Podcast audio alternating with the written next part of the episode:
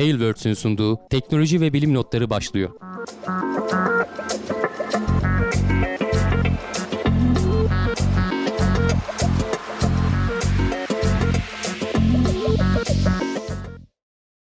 Teknoloji ve bilim notlarına hoş geldiniz. Ben Hamdi Kellecioğlu. Karşımda Volkan Ekmen var. Her hafta olduğu gibi teknoloji ve bilim dünyasından haberlerle karşınızdayız. Nasılsın Volkan? Çok sağ ol abi çok iyiyim. Seni sormalı. Ben de iyiyim. Keyfimiz yerinde. Uğraşıyoruz. İş güç yuvarlanıp gidiyoruz. Bir sürü böyle kelime öbeği var ya Türkçemizde. Benim en sevdiğim hepsi. yaşıyoruz. Yani yaşamaya evet, ya, yaşayıp gidiyoruz işte. Daha da şey var. İç güveysinden hallice falan hallice. gibi böyle daha değişik e, terimler de var. E, çok sık kullanan insanlar var onu mesela. Ben o kadar şey yapmam ama iyiyiz yani kısacası. Değişik haberlerimiz var. E, neler var istersen hani bir say Sonra da yavaştan abi, başlayalım. E, gene ilk başta Covid-19 haberleriyle başlayacağız. Bugün e, hatta az evvel işte Cumhurbaşkanı da açıklamalar yaptı. E, yeni tedbirler ya da yeni işte gevşetmeler diyelim e, sunuldu. Onlara bakıyor oluruz ve hemen ardından e, FDA'in e, Johnson Johnson COVID-19 aşısına e, onay verdi. E, üçüncü bir aşı daha e, FDA tarafından onaylanmış oldu. E, ondan sonra Rusya e, ilk kez e, kuşlardan insanlara geçtiği görülen H5N8 virüsünü e, şeye DSO'ya bildirdi. Dünya Sağlık Örgütü'ne bildirdi. E, yeni bir virüs. O da yani daha önce geçtiği görülmemiş. E, ilk defa olmuş yani 2021'de herhalde bir şeylerle geliyor. Başımıza bela mı alacağız? Evet. Ayrıntısını konuşacağız. Evet bakalım. Ve hemen e, Perse Perseverance'dan e, fotoğraflar ve videolar gelmeye devam ediyor. Geçen hafta bizim yayınımızın e, ortalarına falan denk geldi böyle. İniş evet. görüntülerine falan bakmıştık. E, burada da gene işte bazı başka fotoğraflar, ses kayıtları falan gelmeye başladı. Onlara bakacağız ve aracın üzerinde e, güzel mesajlar gizlemişler NASA çalışanları. E, onlara da gene haberin içerisinde bakıyor oluruz ve e, SA e, aydaki mağaraları incelemek için yöntemler geliştirmeye çalışıyor. E, oradaki de işte çukurlar e, ve mağaralara işte e, ya böyle e, robotlar e, tarafından gibi bir şeylerle oralardaki e, yaşam şartları ya da kalıntıları diyelim e, ya da herhangi farklı işte materyaller varsa onları keşfetmeye çalışıyorlar. E, onu da haberimizin ayrıntısında bakıyor oluruz. Ve Blue Origin e, New Guinea'nın fırlatma tarihini 2022'nin sonuna ertelemiş. Ona bakıyor olacağız. Ardından NASA e, parlayan bulutları incelemek için parlayan bulutlar yapmış kendileri. Bunlar Kendin nasıl çalışıyor yap, demişler. Incele. Evet. Yani bakmışlar böyle e, denk gelmiyor herhalde. Biz bir kendimiz yapalım. E, bakalım nasıl çalışıyor bu diye. Yapmışlar orada e, şey hoşuma çok gitti ya böyle oradaki şeyleri falan atışları falan gösteriyor bulut oluşturmak için yaptıkları. Yine bakıyor oluruz. Bilim insanları demiş ki ya bu orta boy dinozorlar e, neden az yani?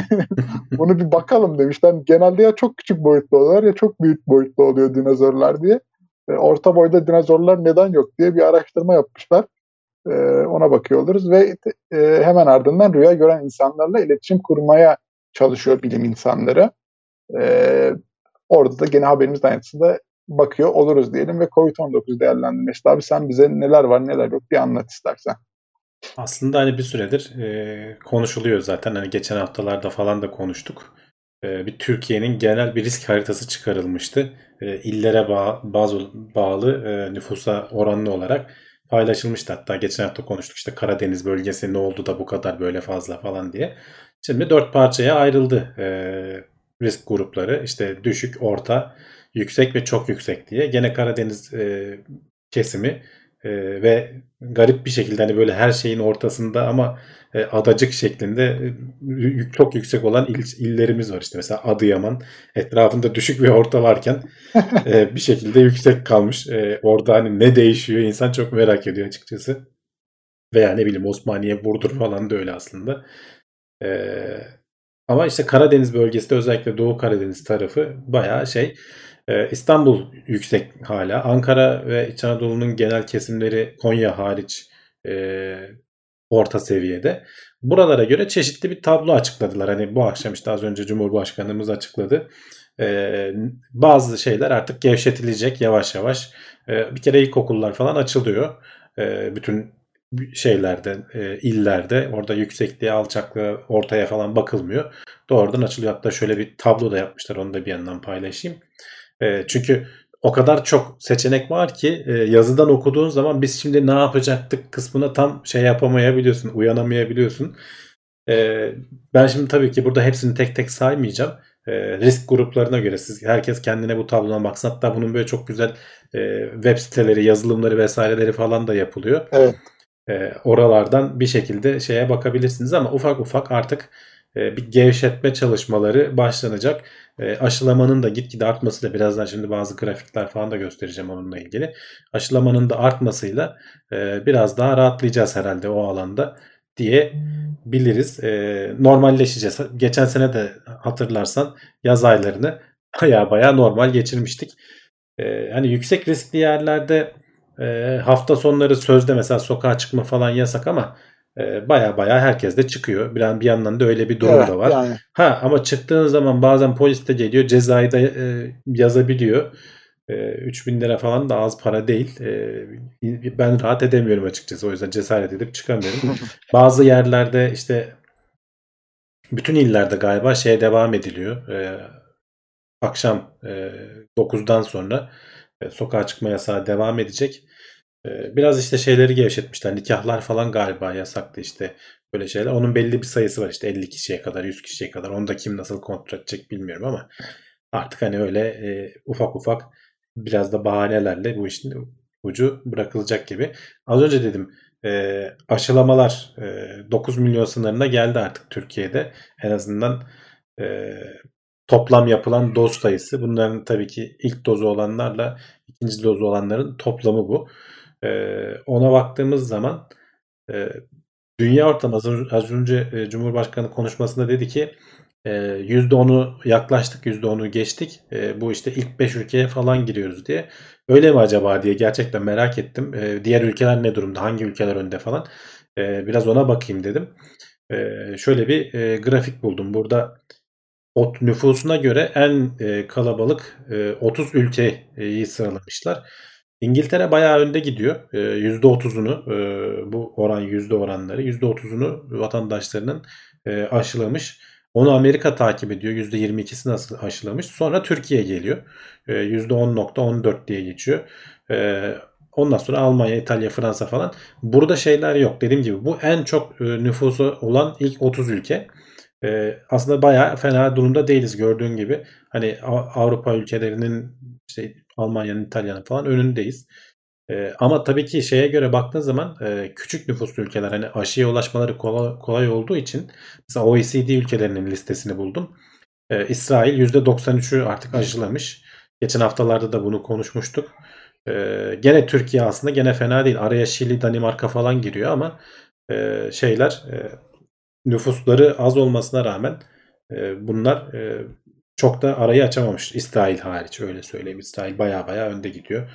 Demek ki aşıya çok hızlı bir şekilde ulaşıp e, bütün vatandaşlarını şeyden geçirdiler. Birleşik Arap Emirlikleri var. Burada listede değil ama onlar da var. %60'ları falan bulmuşlar. Az önce gösterdiğim liste OECD listesiydi. E, Birleşik Arap Emirlikleri de %60'ları falan geçmiş. E, bu şeylere, tablolara ourworldindata.org diye bir yerden ulaştım ben. Google'da aradığınız zaman hemen çıkıyor zaten. Fena değil. Yani geçen Sağlık Bakanı'nın bir açıklamasına denk geldim. İki, iki gün önce miydi? Geçen hafta mıydı? Şimdi tam hatırlayamıyorum. Ee, işte toplamda 100 küsür milyon, 110 milyon mu, 120 milyon doz mu ne aşı anlaşması yapılmış. Bunların gelmesi bekleniyor. Ve yani şöyle bir laf söyledi. Mayıs ayının sonuna kadar 20 yaş üstü herkesi aşılamayı planlıyoruz dedi. Bu şey demek yani yaz aylarında artık baya baya açılacağız demek. Zaten e, yani en riskli gruplar baya büyük oranda aşılandı diyebiliriz. Yaşlılardan başlayarak şimdi işte öğretmenleri falan da dahil ettiler yanlış bilmiyorsam. E, gitgide artık o yaş ortalaması aşağı doğru inecek. En son e, herhalde Nisan ayından sonra falan 40 yaşlara falan gelirse artık ben de gider arışımı olurum. Ama genel olarak eğer her şey planlandığı gibi giderse Mayıs'ın sonunda yaza e, rahatlamış olarak biraz da geçen senekinin gibi olursa yaz aylarında biraz daha hani virüste duruluyor gördüğümüz kadarıyla. Biraz havalandırmayla ortamın havalandırılmasıyla vesaire falan da ilgili. İnşallah yani beklenmedik bir şey çıkmaz da ne denir e, mutasyon Durum. vesaire falan çıkmaz da çünkü e, biliyorsun hani çeşitli mutasyonlar var. Kimisi işte İngiltere'deki mutasyon hızlı yayılıyor ama işte öldürücülüğü artmıyor. Güney Afrika'daki mutasyondan biraz ürküyor benim okuduğum bilim insanları. E, tam ne olacağını bilmiyorlar. O yüzden biraz takip edelim, görelim şeklinde olaya bakıyorlar. Aşılardan bahsetmişken istersen hemen e, bu FDA'nin onayladığı evet. aşıyla devam edeyim. E, Amerika'da az önce söyledik %22'sini aşılamış. Orada genellikle tabii e, Moderna'ydı değil mi filmin ismi? Onun aşısı kullanılıyor. Pfizer'in aşısı da kullanılıyor ama bunların arasında bir tane de Johnson Johnson'ın aşısı getirildi. Bunu e, özellikle hani buraya almamın sebebi bir kere normal koşullarda saklanıyor diğer aşılar gibi ama bundan tek doz gerekiyor. Şu ana kadar konuştuğumuz aşılar hep iki dozdu. Hep iki doz. Evet. Bu tek dozda işi çözdüğünü iddia ediyor ki e, hani hastalığı e, önleme oranı da %66'larda. Yani bu bizim e, Sinovac aşısına benziyor. %66 deyince %90 değil mi? Niye düşük falan diyoruz ama onu yanlış anlamayalım. Hiç gör, hiç gö- hastalığa yakalanmama oranı bu.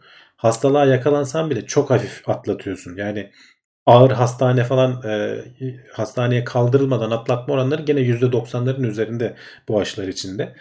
E, Johnson Johnson ayrıntısını çok okuyamadım. Zamanım olmadı. Acaba nasıl bir yöntem izlediler de tek dozda bu e, seviyeye ulaşmayı başardılar. Çünkü verimlilik açısından hani hem e, tedarik açısından düşünürsen hem de e, maliyet açısından düşünürsen e, baya baya işleri avantajlı hale getirecek.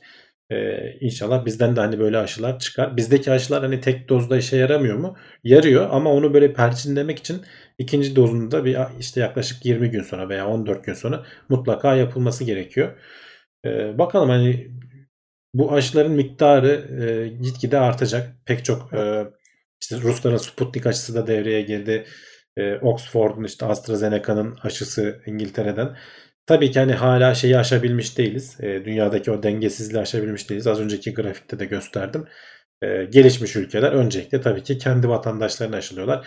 Avrupa'da hani tek bir doz giden ülkeler var. Belki hala öyledir bilmiyorum.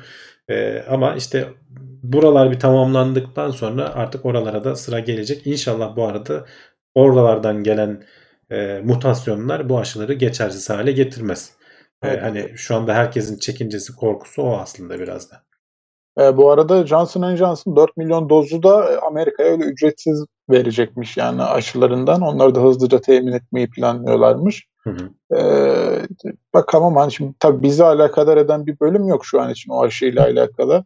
Zaten bizde şu an hala e, Çin'in geliştirdiği, yani Çin'de firmanın geliştirdiği e, aşı uygulanıyor.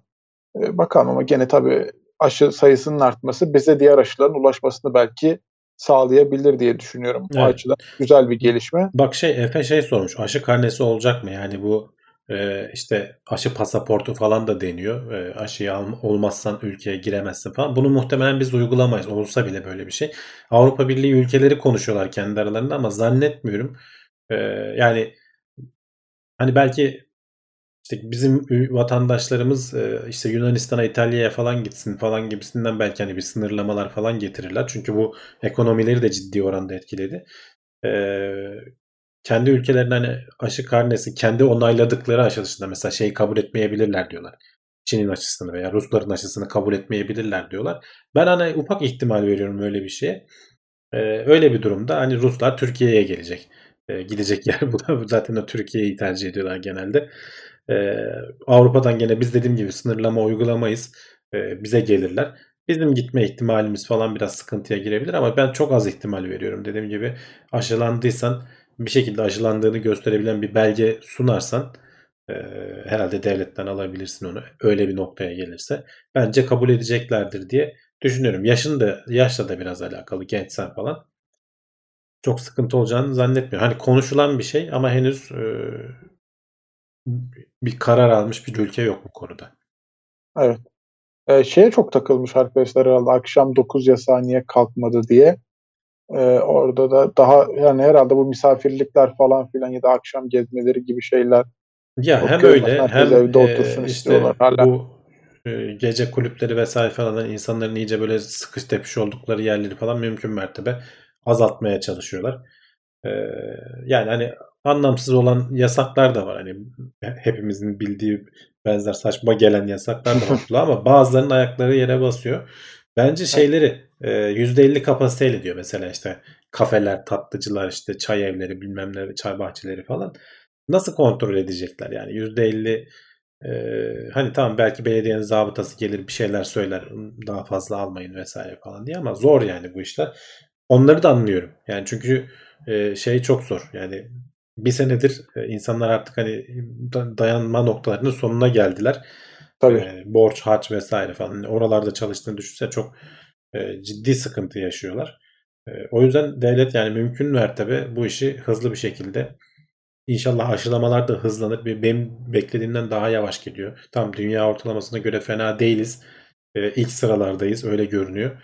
Ee, ki nüfus olarak hani az değil. İşte tepelerdeki ülkelerden biri olmamıza rağmen. Biraz daha hızlanabilir. O da Çin'den gelecek. Geçen haftalarda gene söylemiştim. İkinci parti aşıların devlet onayı olmadan e, hazır oldukları anda uçağa yüklenip gelmesi konusunda anlaşmaya varmışlar. Bundan sonra daha bol miktarda aşı gelebilir gibi görünüyor. Mayıs'tan Aynen. sonra falan bizim aşılarımız da devreye girerse, gerçi o sonbahara da kalabilir. E, Türk aşıları. Ondan sonra herhalde rahat ederiz. Şey olursa eğer bu hani bu aşılar şimdi bizi 3 ay mı koruyacak, 5 ay mı koruyacak, bir yıl mı koruyacak onu bilemiyoruz. E, tekrar tekrar olmamız gerekecek mi? Veya işte bir mutasyon çıkacak belki ona başka türlü bir aşı olmamız gerekecek falan. Hani onları tam bilemiyoruz. Göreceğiz. Evet. Ee, bakarız gene oradaki duruma. Ee, ama ben şeye sevindim yani bu kafeler gibi yerlerin en azından açılmasına. Ee, hem esnaf bayağı bir zorlandı o konularda hem de insanlar işte böyle ara sıra da olsa e, farklılıklar yapıyor. istiyor daha doğrusu öyle şeyleri. E, umarım gene tedbirler kapsamında böyle e, daha da hızlı bir şekilde normalleşmeye dönebiliriz. Her şey yolunda giderse diye e, devam edelim ve e, ama Şimdi 2021'de biraz sürpriz de geldi. Rusya ilk kez kuşlardan insanlara geçtiği görülen H5N8 virüsünü e, Dünya Sağlık Örgütü'ne bildirmiş abi. Evet, e, kuş gribi diye geçiyor. Onların çeşitleri var. Yani 140'a yakın e, evet. türleri varmış kuş gribinin. Bunların hepsi insana geçmiyor ama bazıları e, geçebiliyor. Hani e, onun da şöyle güzel bir grafiği var aslında. Onu şöyle gösterebilirsem.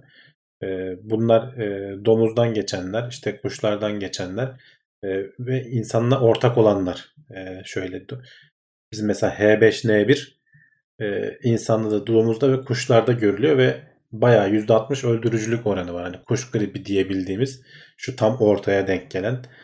H1N1 var domuz gribi diye bize duyduğumuz falan. Bunlar da hani bayağı öldürücülüğü çok yüksek virüsler ama e, korona kadar e, yayılmadılar. E, çünkü kaptığın zaman hemen semptomları göstermeye başlıyorsun. Dolayısıyla iyi kapatabildik o şeyleri. E, Türkiye'den de hayatını kaybedenler oldu ama o kadar çok olmadı.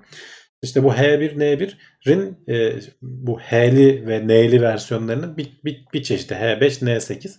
E, kuşlar için ölümcülmüş. E, insanlara geçtiği görülmüyormuş ve insanlara e, ilk defa işte Ruslar e, bir e, ne denir tavuk çiftliğinde 7-8 çalışanda denk gelmişler. E, herhangi bir semptom göstermiyor. insana bir zarar vermiyor. E, bir öldürücülüğü falan yok. İnsandan insana da geçmiyor. Şimdi bu virüslerin öyle çeşitleri var. Bazı kuş gripleri mesela mutlaka kuştan insana geçmesi lazım. Öldürücülüğü çok yüksek belki ama senin etrafında kuşla doğrudan bir bağlantın yoksa korona gibi değil. Koronada biz insandan insana geçişte görüyoruz. Ama bunlar sürekli işte zaten korkumuz şu sürekli e, mutasyona uğruyorlar. Yarın bir gün bu H5N8 belki insandan insana geçer hale de gelecek. E, belki öldürücü hale de gelecek. E, olma ihtimali var. E, bu H5'ler e, N'ler, H'ler nedir diye soranlar da bunlar virüsün üzerindeki o bağlandığı protein.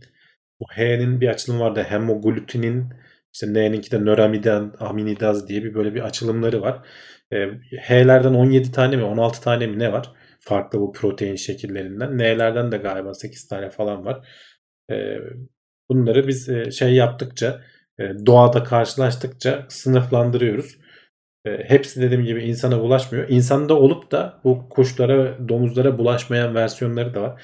Bu arada bu az önceki şeyde işte foklar ve atları falan da görebiliyorsun. Yani hani bunlar o kadar işte kümes hayvanı olmadığı için niye domuzlar ve kuşlar bu kadar fazla? Çünkü bunları yiyoruz.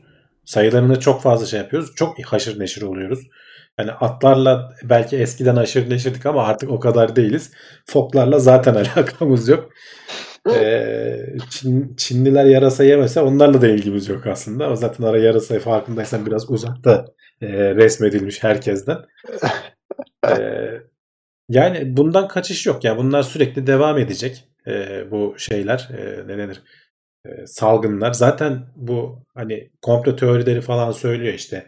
E, Bill Gates nasıl bildi? Yok işte tam şu tarihte şu olacak dendi falan. Ya bilim insanları bunu zaten onlarca yıldır uyarıyor ki geçmişte de benzerleri var. İşte İspanyol gribi 1918 yılında herkesi kırıp geçirmiş yani. Ee, ne bileyim ara ara bizim hani çok gündemimize girmesi ama 50'lerde 60'larda da gene baya baya şeyler olmuş. Ee, büyük e, salgınlar olmuş. Bunlar olmaya devam edecek. Aslında hani koronaya bakarsan şimdi bu aşılamalar iyi giderse ve e, biraz daha işte normalleşirsek falan yani bir yıl içerisinde bayağı yaygınlaşan bir e, virüsü atlattık diyebiliriz yani neredeyse. Evet. Henüz daha o noktada değiliz ama çok hızlı tepki aldı yani insanlar. Tamam ekonomiler falan büyük sıkıntı yaşadı ama e, baya baya da başardık gibi de görünüyor. Güzel gelişmeler oldu yani sonuçta hani o virüs başlamış olsa bile dediğin gibi abi hani aşılama e, ben çok daha uzun süreler bekliyordum açıkçası ilk başladığı zamanlarda.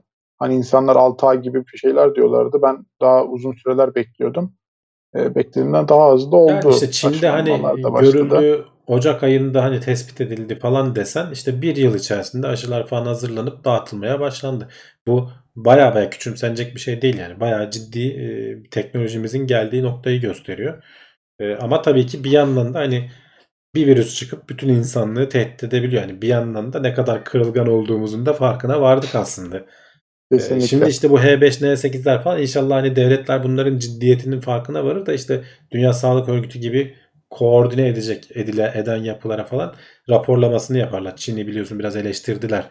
Geç rapor etti vesaire falan diye. Bakalım. İnşallah önümüzdeki ee, yıllarda bu kadar Meriç'te, böyle kötü şeyler görmeyiz. Hı hı. Meriç demiş ki yapay et üretimi ucuzlasa da e, şu tehlikeler azalsa yani kümes hayvanlarından bize bulaşan Yani evet diye. sonuçta orada bir hayvan besliyorsun. O hayvanınla birlikte bir sürü onun bir biyokütlesi var şeyi var. E, ne denir ekosistemi var yani o hayvanın içinde bağırsaklarında vesairesinde yaşayan. Sen onları kullanmasan bile onlar işte insanda falan geçebiliyor. O biyokütlede de eminim başka türlü hani kontaminasyonlar falan çıkacaktır. Ee, ama e, herhalde bu kuş gribi vesaire falan gibi riskli olmayacaktır. Çünkü kuş gribinde falan sen oradaki hani ekonomik olarak şeyi kabul ediyorsun. Sıkıntıyı kabul edip bütün kuşları itlaf ediyorsun. Ama göçmen kuşlar geliyor bir şey oluyor falan bir yerlerden bir yerlere taşınabiliyor. Yani onu tam bir alanda kapatamayabiliyorsun. E, koruyamayabiliyorsun. Öyle şeyler yaşanabiliyor. Evet. Ee, böylece bu salgınla alakalı haberlerimizi bitirdik. İçimizi kararttığımız bölümün sonuna geldik ve şimdi herkes kemerlerini bağlasın. Şöyle güzelce bir uzaya çıkalım. Şeyi söyleyeyim ve, yalnız bak bu evet. soru e, soru değil de yorum İbrahim Şen demiş ki Biontech'in sahibi 10 yıl sürecek diyordu. Yani 10 yıl boyunca en az belki hani etkilerini görmeye devam edebiliriz. E, kurtulduk diye şu an öyle düşünmeyin. E, belki hakikaten her yıl e, aşılanacağız yani e, etkisi azaldıkça aşının tekrar olmamız gerekecek falan. Belki hani onu öngörmüş olabilirler. Bazı bilim insanlarının şey dediğini hatırlıyorum ben. Hani en az 2-3 yıl bizimle birlikte vesaire falan dediğini hatırlıyorum. Bu maskeleri takmamız falan gene hani 2022'yi bulur falan diyenler vardı. Dolayısıyla hani biraz güvenli tarafta kalmakta yarar var. Türklere gelmez deyip de rezil olmaktansa değil mi? Neydi? Kimdi onu söyleyen? Adını unuttum. Ben de hatırlayamadım. Bizim buralara gelmez Türklere bir şey olmaz falan deyip e, ama işte bütün dünyayı etkiledi sonuçta. Evet. Sağlamcı olmakta fayda var böyle konularda. Kesinlikle. Evet dediğim gibi şimdi e, herkes kemerlerini taktığına göre bizi Mars'a götürüyorum ilk başta. Perseverance'dan fotoğraflar ve videolar gelmeye devam ediyor. E, hatta oraya işte e, bura bizim köy diyenler bile oldu abi çok benziyor diye gelen fotoğraflara ya da bura Konya ben burayı gördüm Taş, diyenler var taşı, yani. toprağı. evet. Şöyle 3 e, boyutlu e, şey 360 derece bir video Gö- koymuşlar. Yani. Ekrana şöyle göstereyim. Bayağı işte çölün ortasında aslında kendini çekti işte. E, buna girip de NASA Jet Propulsion laboratuvarının YouTube kanalından görebilirsiniz veya paylaştığım linkten de bakabilirsiniz. Göz alabildiğine boşluk e, ve taş toprak aslında işte bunların hepsi incelenecek. Bayağı da düz bir alana inmiş değil mi? Yani şey Tabii çok Ee, güzel bir yere indirmişler. Tamam kraterin tepeleri hani kenar kısımları vesaireler falan görünüyor ama e, şimdiden tozlanmaya başlamış. Ben ben ona takıldım. E, geçen hafta hatırlarsan bir tozlanma Evet. şey. Gerçi bunlara bir şey olmuyordu tozlansa bile. E, herhangi bir şey ya- yaşamıyorlardı. E, geçen hafta işte tam yayında geldi. E, onu paylaşmıştık. Onun tabii artık 4K'lı versiyonları falan çıktı. Gene NASA'nın sitesinden falan ona ulaşabilirsiniz. E, birazdan bahsedeceğiz. Bu paraşütteki şu şekillerde gizli bir mesaj falan varmış. E, tam bu e, açı şeyleri e, NASA'daki görevli kadının konuşma seslerine falan da bildirmişler. Orada hani dinlerken bir yandan bu görselleri göremiyorduk. Üst üste tam neler yaşandığını falan orada yaşa görmüş oluyorsun. E, bunları da hani 4K çözünürlükte artık hani 4K mı aktarıldı yoksa sonradan upscale mi edildi onu da tam bilemiyorum. Full HD en az aktarılmıştır da e, 4K çünkü biraz e, oradan buraya aktarması da o kadar kolay değil. Böyle biraz hızlı hızlı ilerleyeyim. Bu videoyu çünkü geçen hafta izlemiştik. E, bayağı geçen hafta söylediğim gibi Amerika bu işi bu işin uzmanı benim deyip e, gayet güzel bu işi tamamladı. Bir yandan üzerinde mikrofon var. İniş esnasında çalışması gereken mikrofon çalışmamış arkadaşlar. Asıl inerken ses kaydı da alıyorlarmış ama o mikrofon e, teknik bir azizliğe uğramış, çalışmamış. Ama e, rover'ın üzerinde iki tane mikrofon var. Oradan e, sesler alındı. Ama hani bir şey duymuyorsunuz. Şimdi burada ekranda da oynatmayayım. Bir kere robotun içinde o çalışan mekanizmanın arka plan gürültüsü var. Şu üstteki o. Sonra o arka plan gürültüsünün ayıklandığı versiyonu var. Ama yani ikisinde de şey duyuyorsun böyle rüzgar sesi şeye çarpıyor ara ara. Mikrofona çarpıyor böyle pup pup, pup bir ses geliyor. Yani bir şey öyle Mars'ın sesini duyacağım diye bir şey, çok bir beklenti içerisine girmeyin. Ee, şu görüntüyü açabilirsem bunu göstereyim. Gerçi az önce şeyler vardı onlar kayboldu. Yani Evet. uzaylıların sesi yok. Değil mi abi içinde? Yok yok uzaylıların sesi Uzaylıları yok. yok. Mars'ın Sesi yok. Mars'ın sesi bile yok doğru düzgün. O, o da diyorum o da yani. rüzgar sesi var sadece. Rüzgar sesinden çok az bir kısmı. Ee, şu sağ şey ne- nereye dağıldığını gösteriyor. Gene uydudan çekilmiş bir görüntü. Ee, alttaki o ısı kapağı bu sağ tarafa düşmüş. Perseverance'ın kendisi burada. Ee, sol tarafta paraşüt. Daha önce ayrıldığı için biraz daha uzağa gitmiş. Asıl indiren vinç mekanizması da bayağı uzağa gitmiş gördüğün gibi. Onu alete zarar vermesin diye işte indirdikten hemen sonra uzaklaştırıyorlar. Ee, onun dışında fotoğraflar gelmeye devam ediyor tabii. Şu anda baya baya e, artık en son 1500'leri falan geçmişti fotoğraf sayısı. Ee, bu şeyden bakabilirsiniz. O raw images dedikleri geçen hafta paylaşmıştık linkini. Ee, oradan bakabilirsiniz. Hani çok görünecek bir şey yok. Bundan sonra e, şeyleri bekleyeceğiz. E, bilimsel araştırma sonuçlarını bekleyeceğiz. E, böyle gene çok güzel e, panoramalar falan çekerse onları bekleyeceğiz. Ben asıl hevesle şeyi bekliyorum. E, Ingenuity'nin o helikopterin indirilip e, uçmasını, Uçtuğu çalışmasını falan bekliyorum. Bir sonraki hani heyecanlı haber onlar o olacak Oradan aslında. gelecek. Evet. Bir iki ayda o- var onun herhalde. E, o zamana kadar da bir iki böyle aracın üzerinde gizli mesajlarla e, ortamı sıcak tutacak e, etkinlikler bırakmışlar aslında insanlara. Evet hep yapıyor NASA bunu. şeylerde geçen mesela bir önceki Curiosity'nin tekerleklerinde JPL vardı. Morse kodla şöyle e, tekerleğin üzerine delikler bırakmışlardı. Bu arada bu tekerlekler haşat oldu.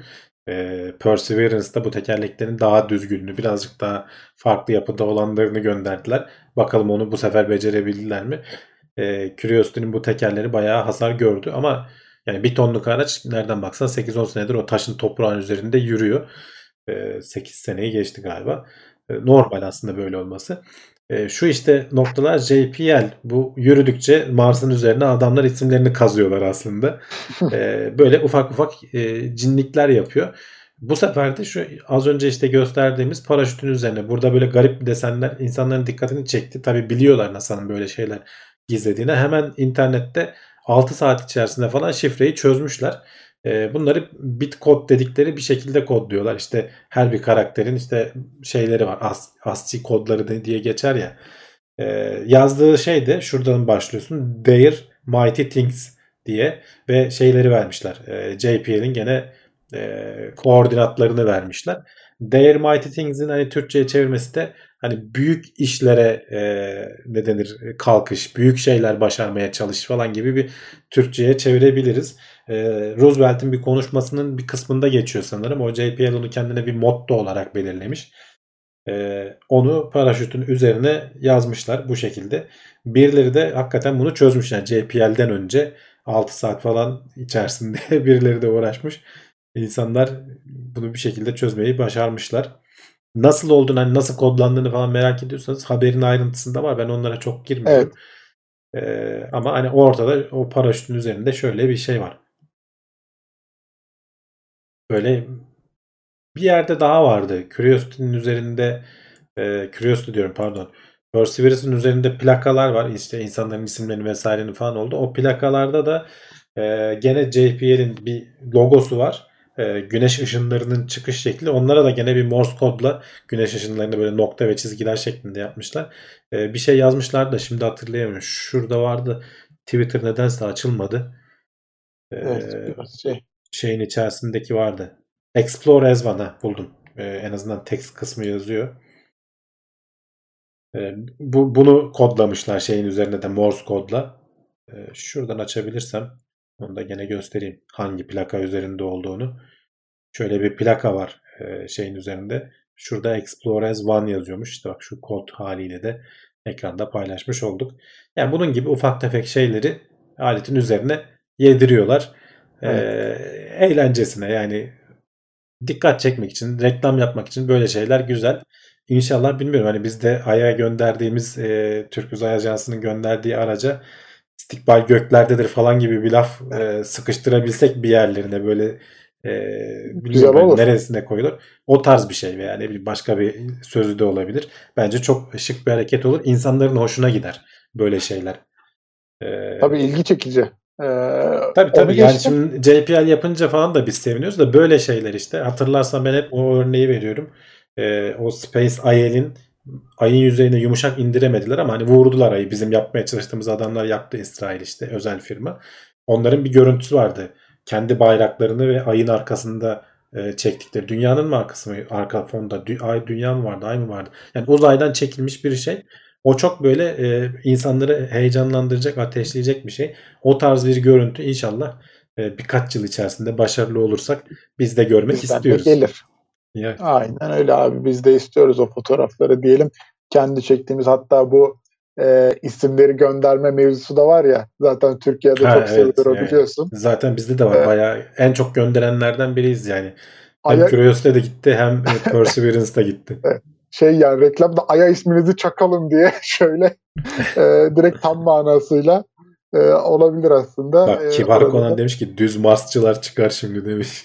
evet Hakikaten ama Mars, Curiosity'nin çektiği dümdüz yani şey etrafı. Mars'ın düz olduğu biraz evet orada daha aşikar görünüyor ya.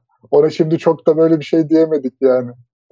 Ee, Brave demiş şimdi yıllarca analiz yapma zamanı. Aynen oradan gelecek verileri bekliyoruz. Alet ee, yıllarca çalışacak zaten yani. Onlardan kim bilir ne çok makaleler ne çok şeyler yazılar çıkaracaklar, araştırmalar çıkaracaklar. Hele bir de e, Perseverance tam o canlılığı bulmaya gitti oradaki o işte e, kayaçları falan inceleyip de eğer canlılıkla ilgili bir şey bulursa asıl zaten başarı o zaman olmuş olacak. Ha, İbrahim Şen demiş ki biz nazar boncuğu takıp maşallah yazalım. o da, o, o da, olur. o da olur niye olmaz? Ee, Ali Ayşe'yi seviyor demiş Karaktaş Lisesi. Herhalde Aya çıkarma zamanı. evet evet.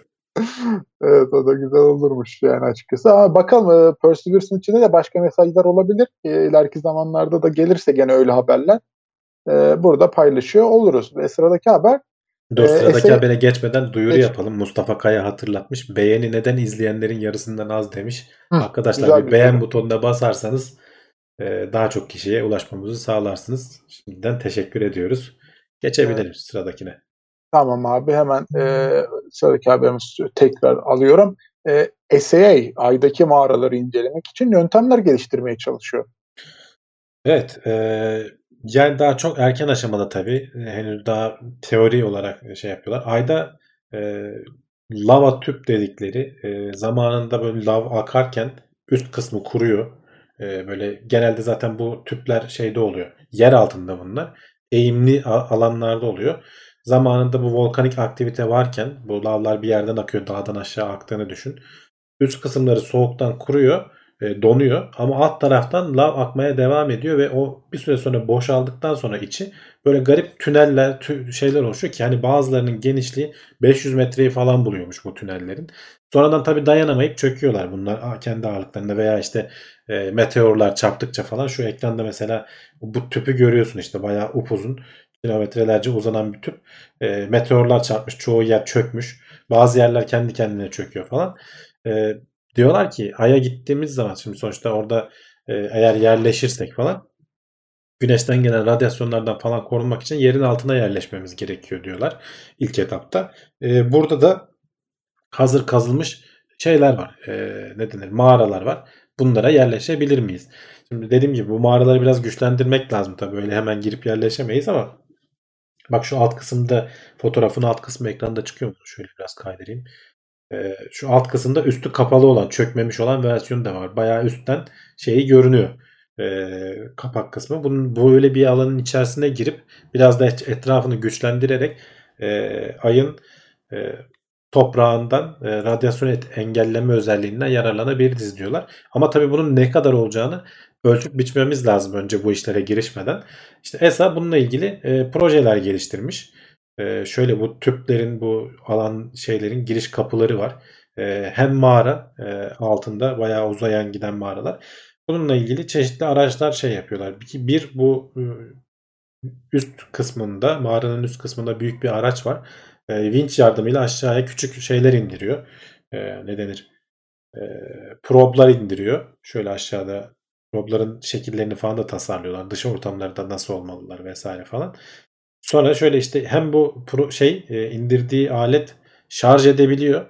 E, bu probe gelip burada şarj oluyor. Sonra tekrar mağaranın içerisini haritalamaya başlıyor. Bu mağaranın içerisinde tabii böyle engebeli falan bir şey. Burada e, artık zıplaya zıplaya mı gider nasıl bir tasarım yaparlar ona uğraşıyorlar aslında. Yani daha ortada aslında planlanmış bir görev yok. Biz bunları nasıl test ederiz? Biz burada işte bu yerin altındaki mağaralardaki radyasyonu kesme oranını ölçecekler.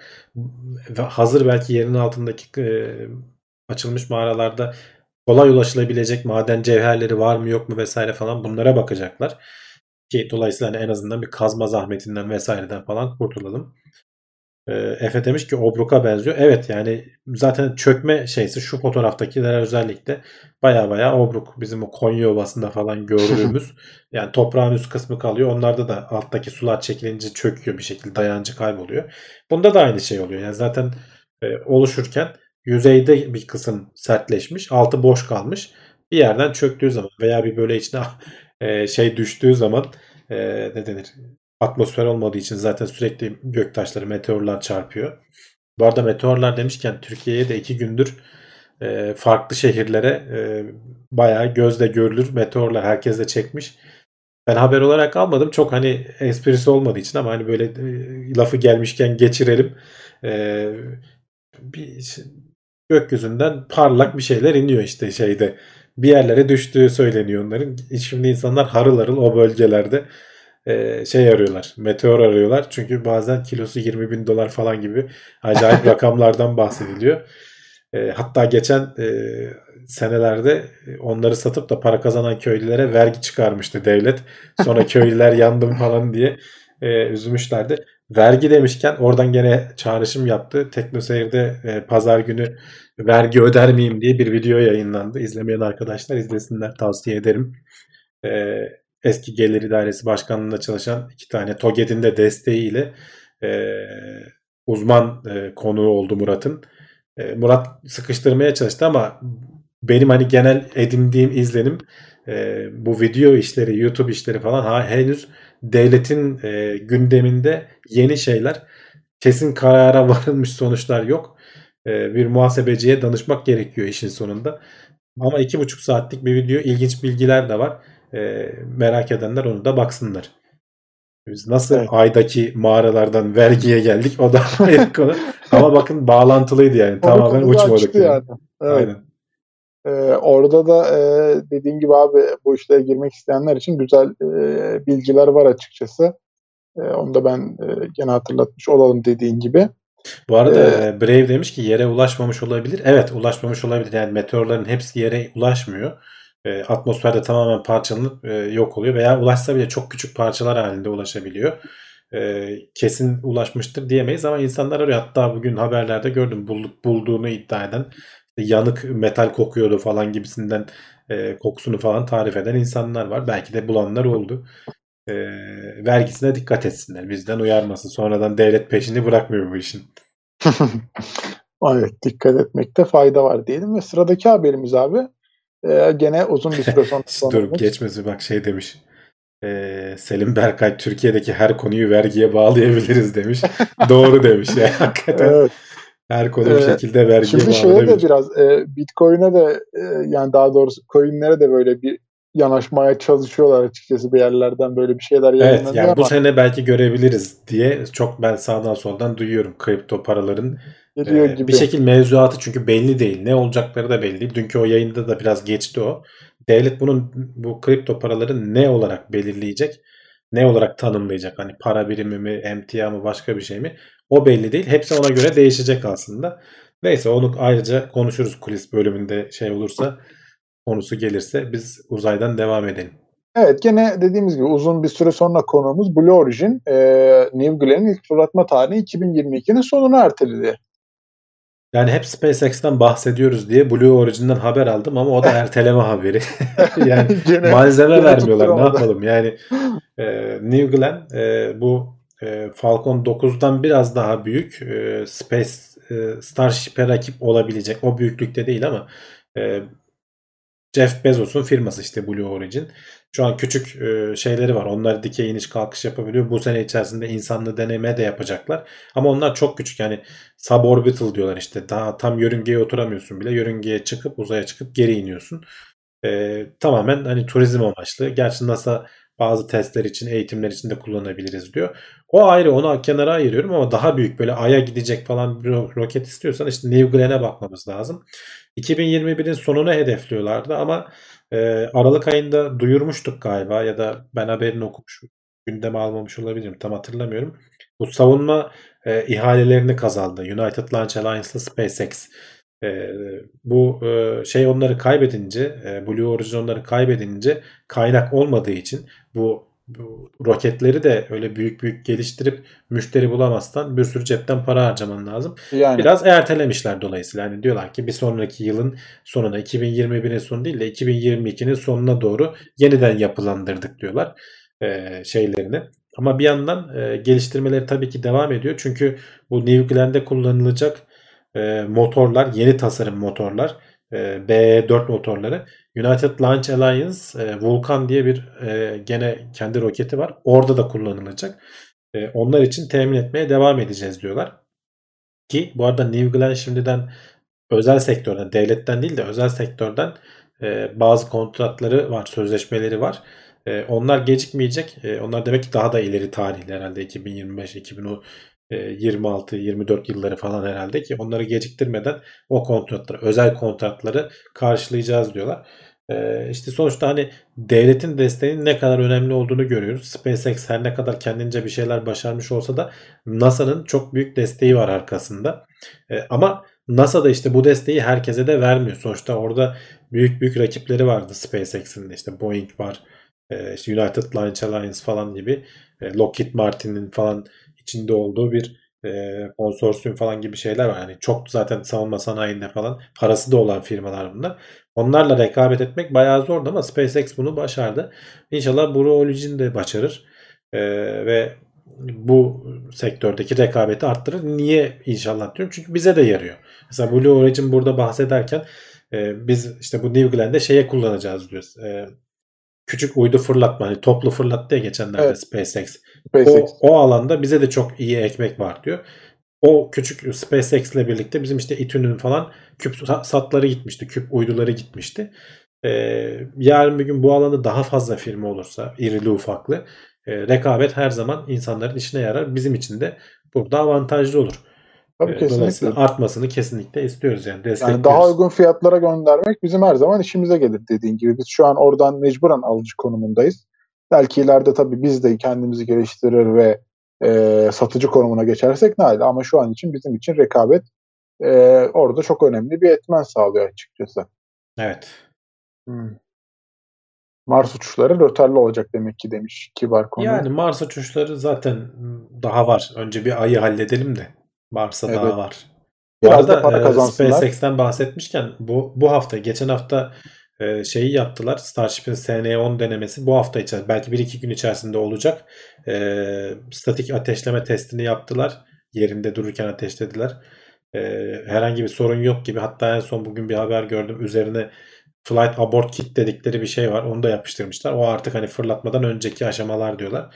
Belki bugün yarın bir fırlatma daha izleyebiliriz. Bir gecikme olmazsa e, başlarına bir şey gelmezse. E, böylece uzaydaki haberleri bitirdik. Biraz da böyle dünya atmosferine doğru girip e, NASA'nın kafayı taktığı bir yere geldik. E, parlayan bulutlar. Bakmışlar ki burada bir şeyler oluyor ve bunları biz nasıl yaparız demişler. E, nasıl araştırabiliriz demişler daha doğrusu ve kendileri parlayan bulutlar yapıp bunu araştırmaya çalışmışlar abi. Evet, yani Noctilucent lu- lu- lucent cloud deniyor. E, geceleyin parlayan e, bulut anlamına geliyor. Yani şöyle aslında hani onun görüntüsünü de paylaşayım. E, biraz şeyi andırıyor. Ne denir? E, auroraları andırıyor. Zaten kuzey enlemlerinde olan bir şey. E, ama tamamen alakasız yani yön şeysi. Güneş battıktan sonra veya işte doğmadan hemen önce falan e, atmosferin çok üst tabakalarında buz e, kristalleri varsa güneş ışığı oraya yansıyor. Daha doğmadan hani ufuktan görünmüyor güneş. Hafif biraz tan kızıllığı da görünüyor farkındaysan. Ama alttan işte o yukarıdaki kısımlara vurduğu için onlar aydınlanıyor ve böyle e, değişik görüntüler e, oluşmasına neden oluyor. NASA bunlar nasıl oluşuyor? İşte nasıl yapabiliriz? Kendimiz üretebilir miyiz? Bunların ne koşullar altında oluştuğunu test etmek için bizim bir ara vardı hani yağmur yağdırmak için e, yıldız e, şeysi tohumlama mı diyorlar neydi yağmur tohumlama diye belli madde maddeleri atmosferin belli katmanlarına attığın zaman yoğunlaşmayı sağlayıp e, yağmur haline getiriyor. Bu da ona benzer bir şey. E, 200 kiloluk bir e, bizim sonda roketine benzer bu şeyin.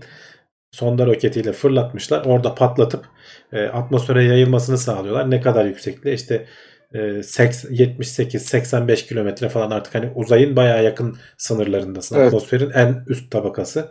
E, mezosfer mi deniyor ona? Hatta orada bir ismi de var. E, o tabakada oluşuyor. Orada e, hangi şartlarda oluşuyor? Yani bu bulutun oluşabilmesi için sonuçta belli şartlarda bir su buharının olması lazım. Su buharı da normalde oralara kadar çok fazla çıkmıyor. E, zaten e, kutup bölgelerine yakın yerlerde oluyor. Tam kutup dairesinde değil de kutup bölgelerine yakın yerlerde oluyor. E, ve gene yaz kış mevsiminde de farklı durumlarda oluşuyormuş. Her zaman oluşmuyormuş. E, gerçekleriyle karıştırmamak için e, çok az görülen zamanları seçmişler ve kendilerini oluşturmayı başarmışlar gerçekten de. Ve e, buradan da şey çıkarıyor. Hani bu bulutların nasıl oluştuğunu e, bilimsel olarak açıklayabildik diyorlar. E, NASA'nın hani biz hep NASA dediğimiz zaman işte uzay vesaire falan diyoruz ama dünyaya dönük olarak e, daha bir sürü uyduları var. E, okyanusları takip ediyorlar. Sıcaklık seviyeleri vesaireler falan olsun. Hani e, bu bulutların hareketi ne bileyim işte Amerika'ya yaklaşan tayfunlar vesaire falan bunlar hep NASA'nın araştırma alanlarına giriyor aslında. Hani havacılık ve uzay dairesi işte o kısımlar o noktada havacılık kısmında mı oluyor artık öyle diyebiliriz. Hmm, Ama Evet şu abi, çok hoş yani. Hele bir de aurorayla da karışınca şöyle ileride biraz o da devreye giriyor. Üst taraflar yeşil, alt taraflar böyle parlak böyle e, beyazlı vesaire falan çok hoş görüntüler oluşuyor. Evet, ben de o fırlatılma anını çok sevdim. Yani 10.000 FPS'de e, kayıt yapmışlar. O bile bayağı hızlı bir şekilde uzaya doğru gönderiyor yani. Evet. 200 şeyi. E, orası da benim hoşuma gitti diyelim. E, ve hemen sıradaki haberimiz e, biraz bizi geçmişe götürecek. Bilim insanları e, orta boy dinozorlar türlerinin neden az olduğunu bulmaya çalışıyorlar abi. Orta boy dinozor türleri azmış. Orta Evet. boy derken de e, işte yaklaşık 100 kilonun altı e, da dinozorlar var.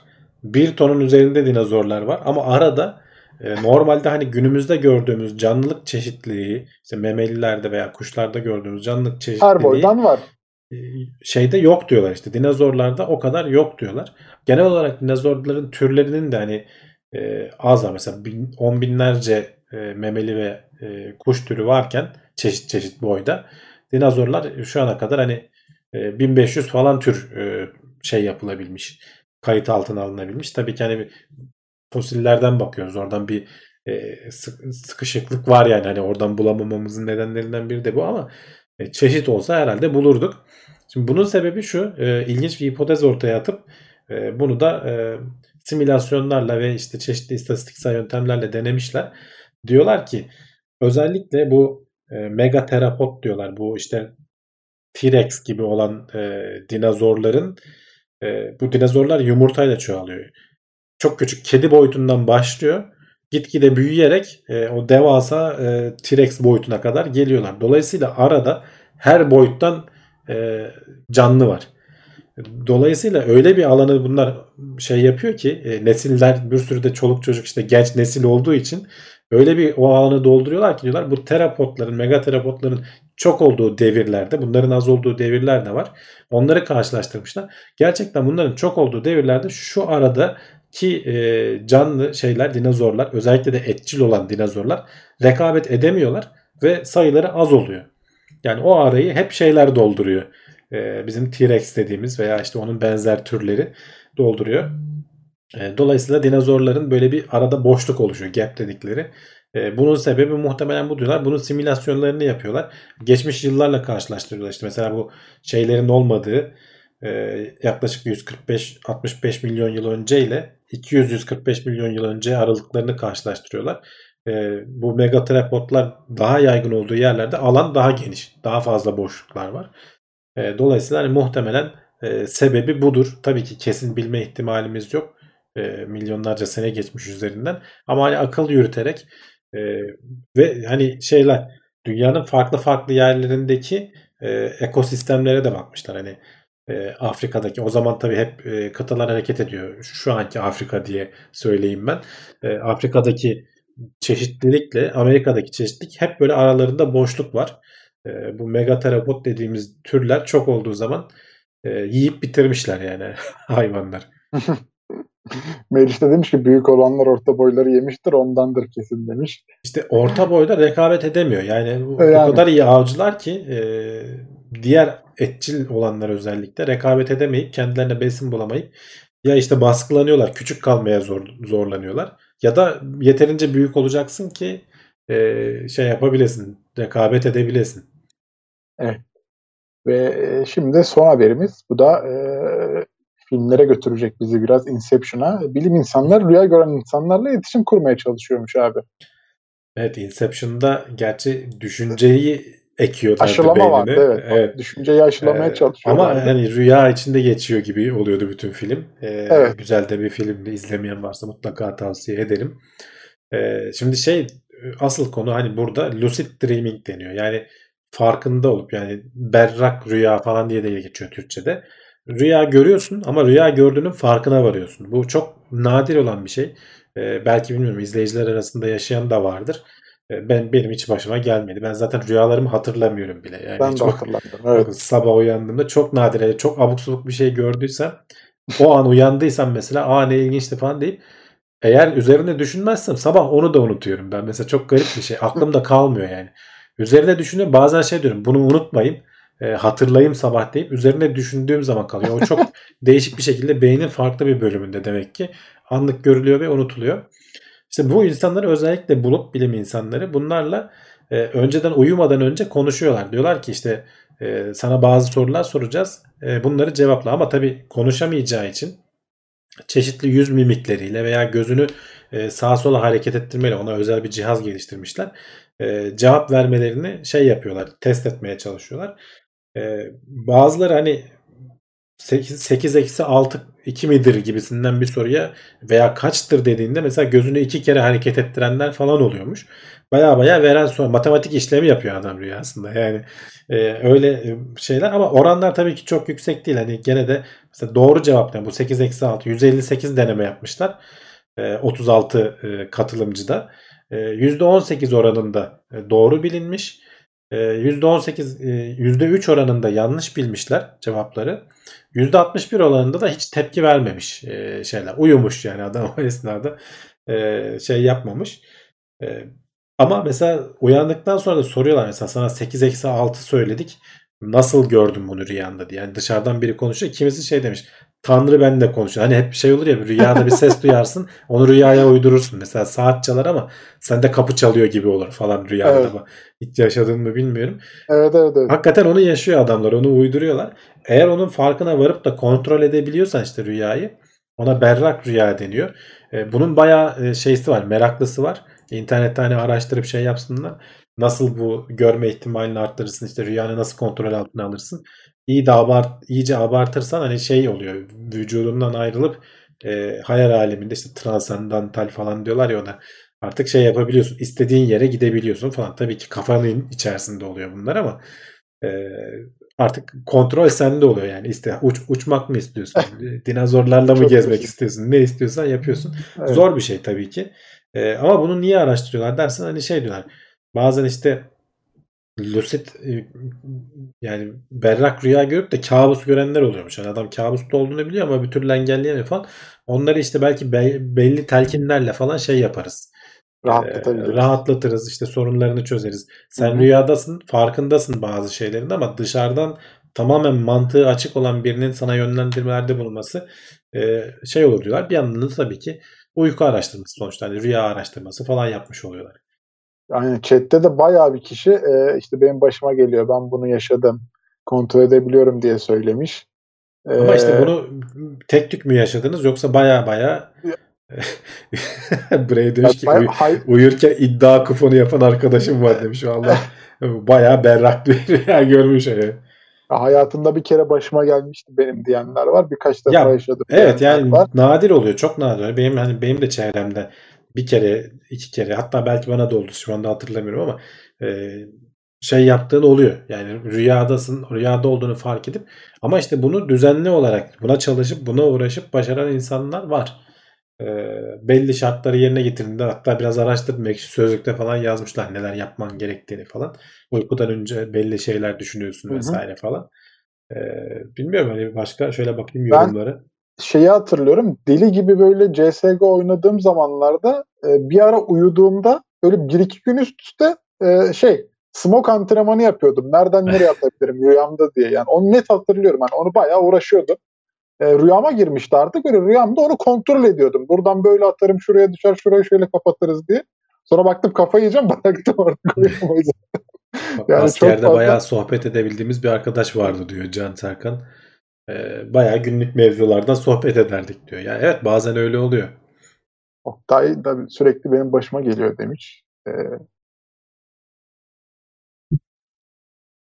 yani var demek ki insanlar. Evet Bunu yani bu uyku olayı hepimize zaten şey geliyor böyle e, ne denir cezbedici geliyor, ilginç Evet. geliyor. Bununla ilgili araştırmalar da e, çok değişik sonuçlar çıkarabiliyor ortaya. Bakalım şöyle başka. Tuvalete gidip gelip aynı rüyaya devam edebilen arkadaş var. Ha, öyle de oluyor evet. Bazen öyle de oluyor. Uyandıktan sonra uyuduğunda kaldığın yerden devam edebiliyorsun. İşte tamamen beynin, bilinçaltının çalışma şekli. Kabus gördüğünde sorun olmuyor ama güzel bir rüya gördüğünde rüya olduğunu anladığında insan içine bir hüzüntü çöküyor. Uyanmak istemiyorsun demiş. E tabii. Haberleri de böylece bitirmiş olduk. Devam Aynen ederiz öyle. şimdi kuliste bu rüya konusuna. Ee, kulise geçmeden hemen hatırlatmalar yapacağım ama hiçbir yere kaybolmayın. Kuliste devam edecek sohbetimiz. Ee, teknoseyir.com sitemiz. Teknoseyir adıyla bütün sosyal medyalarda bizi bulabilirsiniz.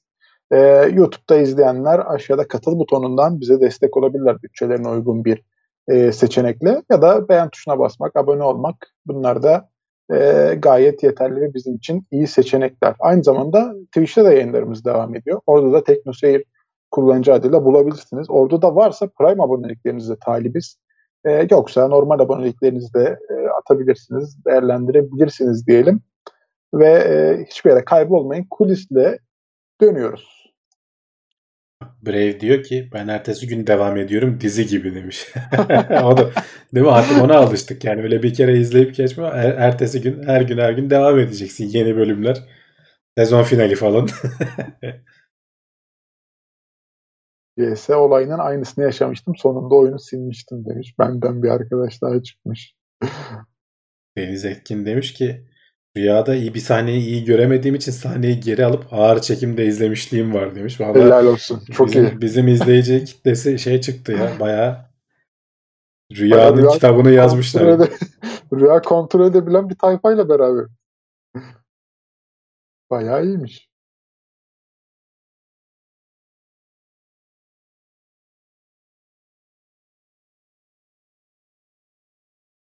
Bazen çok kalabalık rüyalar görürüz. O kadar kişi nasıl casting yapıyor demiş. Benim ekran kartının render edemediği görüntüler olmuştu. çok kötü. Evet. Şeyler de oradan çıkıyor ya biraz. Hepimiz simülasyonda mıyız işte. Evet. e, bakmadığın yerler render edilmiyor. Arka planda çalışıyor. Ama şey doğru yani mesela şimdi başka bir arkadaş demiş ki programlama ile ilk uğraşmaya başladığımda çözemediğim bir sorunu rüyamda görüp e, çözümle uyanmıştım diye. Yani böyle bazı şeylere kafayı takarsanız o gerçekten insan Tabii, tabii. rüyasından Ya çoğu şey bilim yapıyor yani, insanları falan da hani hep bahsederler ya.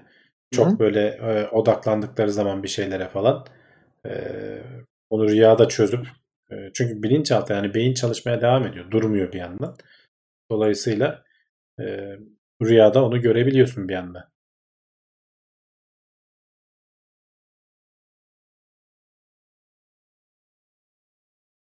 Ben şeyi hiç sevmiyorum. O irkilme olayı oluyor ya bir anda uyurken zıplayarak Uyan- uyanıyorsun. uyandırıyor. Ayağın Evet. boşluğa geliyor veya biri suratına top atıyor. Basketbol oynarken çok öyle olurdu. Suratıma top gelirdi falan.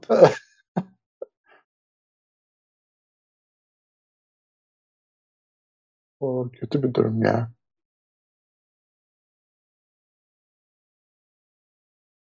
Rüyalarımı derleyebilirsem çok iyi bilim kurgu çıkar. Aradaki boşlukları görmeyi bekliyorum demiş Harun.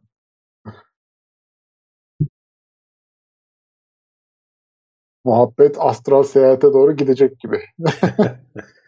İşte onun bir sonraki aşaması o. Bilmiyorum hani onu yapabilenler ne kadar var.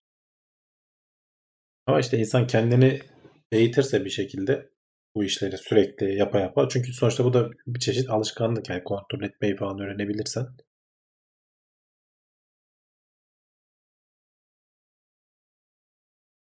Şimdi 100 Ee. saat Witcher oynadığında orta çağ rüyaları görüyormuş böyle.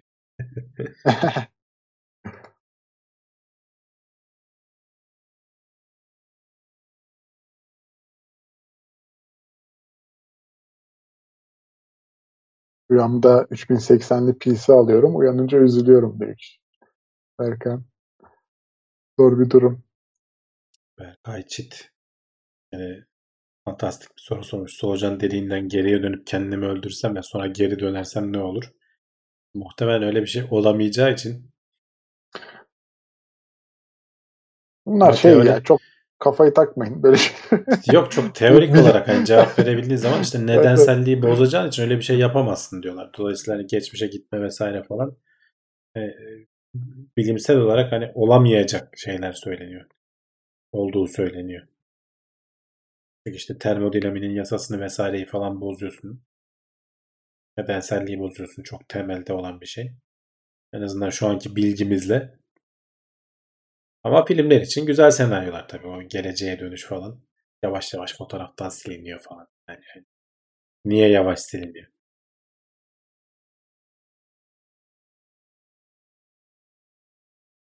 Onur Vural demiş ki iki yıldır her e, bölümünüzü çıktı gibi dinliyorum. İlk defa canlı yayına geldim. Bu da benim ayıbım olsun demiş. Hoş geldin diyelim. Her Yok zaman canım bekleriz. estağfurullah hoş geldin. Daha çok bekleriz yani. Normalde dinlemeniz de yeterli bizim için. Ama canlı yayında işte böyle sohbette falan konuşurken daha iyi oluyor. Bak Tabii. yorumlar vesaireler astral seyahat sokağa çıkma kısıtlamasına dahil mi? Eklemek lazım onu da tabloya.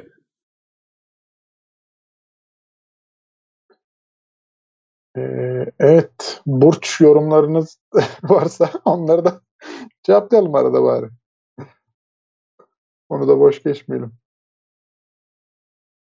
Evet. Var mı arkadaşlar merak ettiğiniz ilginç konular, sorular, haberlerde takıldığınız noktalar? Cüneyt Arkın bir filmde yapay zekaya ne var ne yok diye sorup bozmuştu diye. Cüneyt Arkın değildi ya o şeydi. Ee, Sadri Alışık'tı galiba. Sadri Alışın evet tam adı aklıma Onun, geldi. onun çünkü Star Trek'in bayağı birebir kopyası olan bir filmi var. Turist Ömer uzay yolunda. Evet evet. Uzayda diye. Turist Ömer Uzayda diye. Uzay, uzayda da olabilir evet.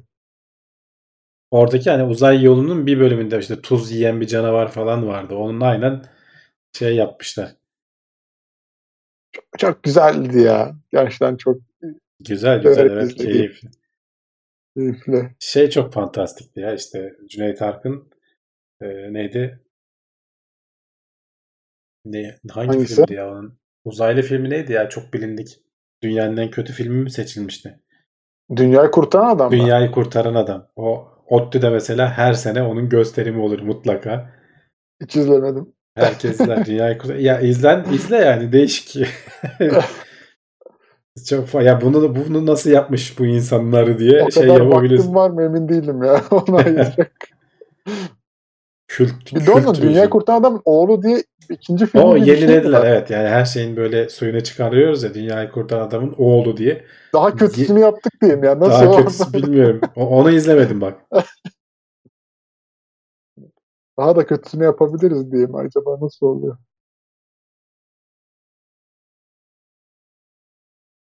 Şeylerden falan hep kesmişti ya o işte dünyayı kurtaran adam. Star Trek'leri falan kesmişler. O zaman tabii e, şey hak getire e, ne denir? Telif hakkı bilmem ne falan yok. Adamlar kesip varsa biçip koy. yapmış aynen.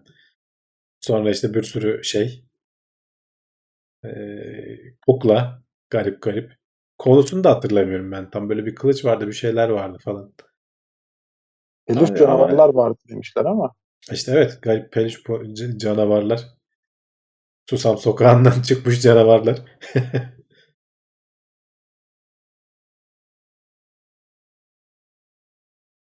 PlayStation 5 ile Ethereum kazılmış geçmiş olsun demiş ki Conan. Vallahi geçmiş olsun ne diyeyim. Oldu işte. evet. PlayStation 5 bulamazsınız bir daha. Almayı düşünenler varsa hızlıca alsın.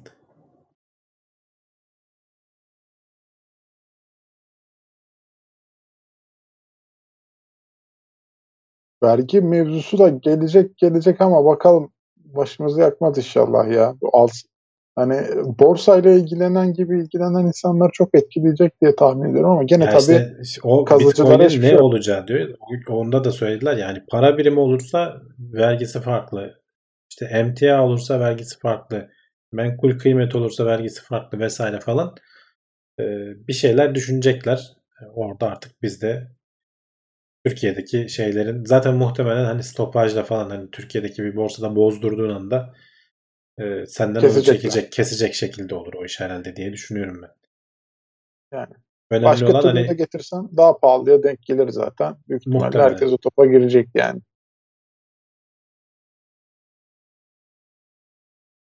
Tarkan'da da evet bak ahtapotlu falan bir şey vardı böyle son derece şişme olduğu belli olan devasa bir ahtapot vardı suda. Ben küçükken korkuyordum ondan ama. Yani çocukken korkarsın. Evet. Şey geliyordu bana. Güzel savaşıyordu çünkü.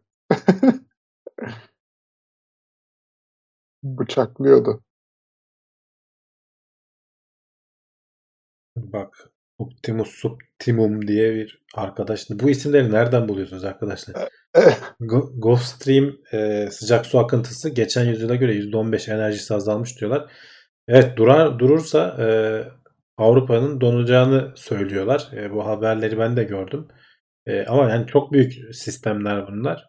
Yani öyle bir günde falan pat diye durmaz. E, ama e, azalsa bile sonuçta sıcak şeyi o akıntıda hani denizin akıntısı sıcak havaları getirip biraz olsun iklimi yumuşatıyor. E, denge değişebilir. Yani baştan sona değişebilir. Şu an yaşadığımız şey bambaşka bir yere gidebilir. Altar'ın oğlu Tarkan'mış o filmin ismi de. Hmm. Kripto madencilerin çevreye verdiği zararın boyutundan neden kimse bahsetmiyor demiş Metehan Dikmen. bahsediyorlar, söylüyorlar ama e, mesela kriptocuların oradaki savunması şu yani bankacılık sistemi dediğimiz şeyde bir sürü elektrik yakıyor. Bir sürü bankada çalışan insanlar var. O işte sistemi işletmek için var olan insanlar var. Bizim bu oluşturduğumuz e, elektrik tüketimi onun yanında solda sıfır diyorlar. Ki ben de öyle kaldı- düşünüyorum. Yani mantıksız değil ama kaldı ki şöyle bir şey var. Ee, Ethereum falan artık şeye geçmeye çalışıyor. Ethereum 2.0'da e, bu Bitcoin gibi kazma olayı Proof of Work deniyor ona. Elektrik harcayarak bir şeyi bulma olayı kaldırılacak. Yani 1-2 sene içerisinde zaten AVAX falan gibi, Avalanche falan gibi sistemler de çıktı. Bu işi e, elektrik tüketimini sadece Bitcoin'de kalacak. O da ilk çıktığı için e, en yaygını olduğu için. Onda öyle bir yapı değişikliği düşünmüyor ama Ethereum'da ciddi ciddi düşünüyorlar. Ethereum 2.0 diye de e, şimdiden konuşması yapılıyor, planlamaları yapılıyor. O zaman e, şeyler biraz rahatlar. Ekran kartı, işte bu PlayStation 5 falan gibi şeylere dadanmazlar. Çünkü Bitcoin artık o aşamaları aştı zaten. Onlara özel cihaz tasarlanıyor. Ekran kartıyla falan kazamıyorsun yani. Ya şey şimdi şöyle e, sanal bir şey olmasından ötürü evet oraya harcanan elektriğin e, ciddi böyle bir elle tutulur bir karşılığı var mı? Çok e, tartışma konusu yani. Ama e, mesela şöyle bir şey de var. Adamların dediği gibi mesela bunu bir sen üretim sektöründe bu elektriğin milyonlarca katını harcıyorsun zaten gibi gibi söylemler var ama sonuçta yani bu da şey... e, destek gören bir yatırım olduğu için orada da ben hak veriyorum adamlara. Ya şöyle Ethereum özellikle şey. üzerinde e, ne denir sanal kontratlar falan yapabildiğim bir sistem olduğu için ucu çok açık. Her şeyde kullanabiliyorsun. E, ama işte çok fazla kullanınca sıkışıyor şu anda. Yeterince üzerinden işlem geçiremiyor. E, o yüzden onu çözmeye uğraşıyorlar. Onu çözerlerse bunun üzerine bir sürü bir şey yapacaklar.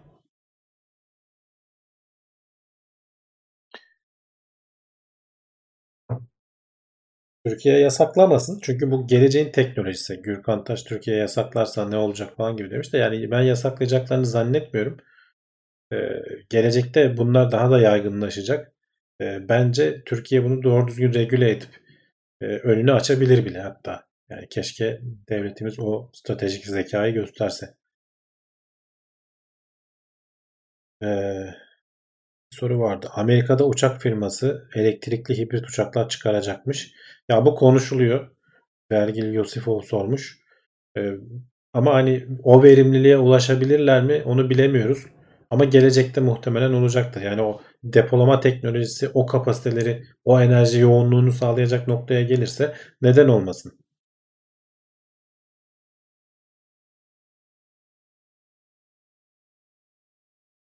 De yasaklasalar da engel olamazlar bak. Evet Meriç doğru söylemiş yani. Türkiye'de sen ne kadar yasaklasan da adam kripto. Zaten takibi falan da zor. VPN'le bilmem neyle girer. Bari önünü aç. Vergi mergi almaya çalış. Eğer tutacak bir proje çıkarırsan da e, Türkiye'ye faydası olur. Artısı olur yani.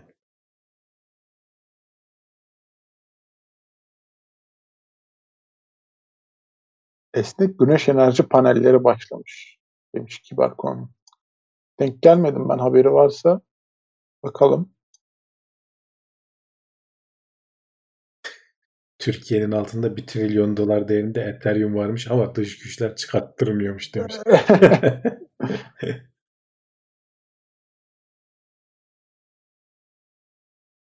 Ethereum'u öyle bir şey zannedenler vardır ha. Yedirirsin yani insanları. Ya şey gördüm haberlerde bu e, Bitcoin'in böyle sana yani fiziksel olarak böyle şeyini yapmışlar da figürü mü diyeyim artık neyi diyeyim yani onu insanlara satıp e, şey yapmışlar yani dolandırmışlar insanları. Yani bilmeyen insanı dolandırırsın. Bitcoin Bitcoin lafı geçiyor da e, onun ne olduğunu bilmeyen al sana Bitcoin diye adama... Al sana bir Bitcoin 40 bin lira ver bunu 350 bine satarsın deseler adam verir herhalde. Ya inanacak birileri çıkar. Evet. Onu sonra şeye götürüyorlar işte. Çarşılara bozdurmaya götürüyorlar.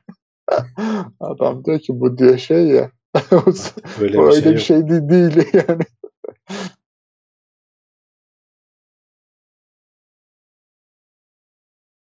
Türkiye Bitcoin'den vergi almaya çalışır demiş Berkay Çit. Bütün ülkeler almaya çalışıyor. Yani bunu bütün ülkeler şu anda nasıl değerlendirmeleri gerektiği konusunda kararsızlar. Ama artık mesela 2020'den itibaren büyük büyük bankaların falan da Bitcoin'e girip şey yaptığını görmeye başladık. Büyük yatırım kuruluşlarının vesaire falan yavaştan artık oraya doğru evriliyor işler. Muhtemelen e, bu yıllar geçtikçe şey olacak. e, ne denir? Bayağı yaygın bir hale gelecek. Biri demiş ki blockchain ile başkanlık seçimi yapılır mı sence demiş. Yani seçimlerde şey sorunu var.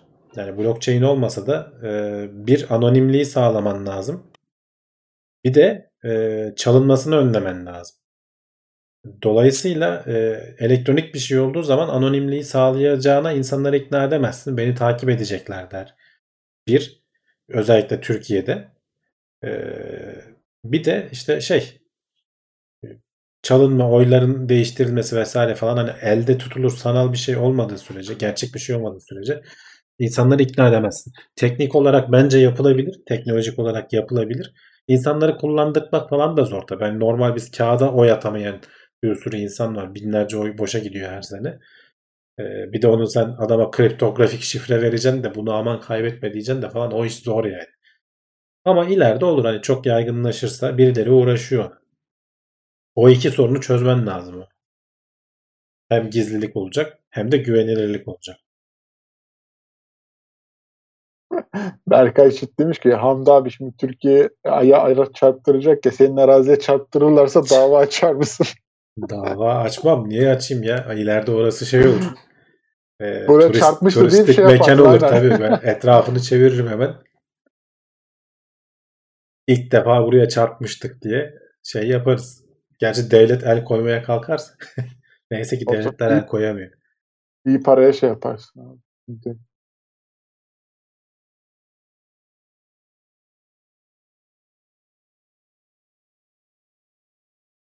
Başka? Bu hafta sakiniz biraz.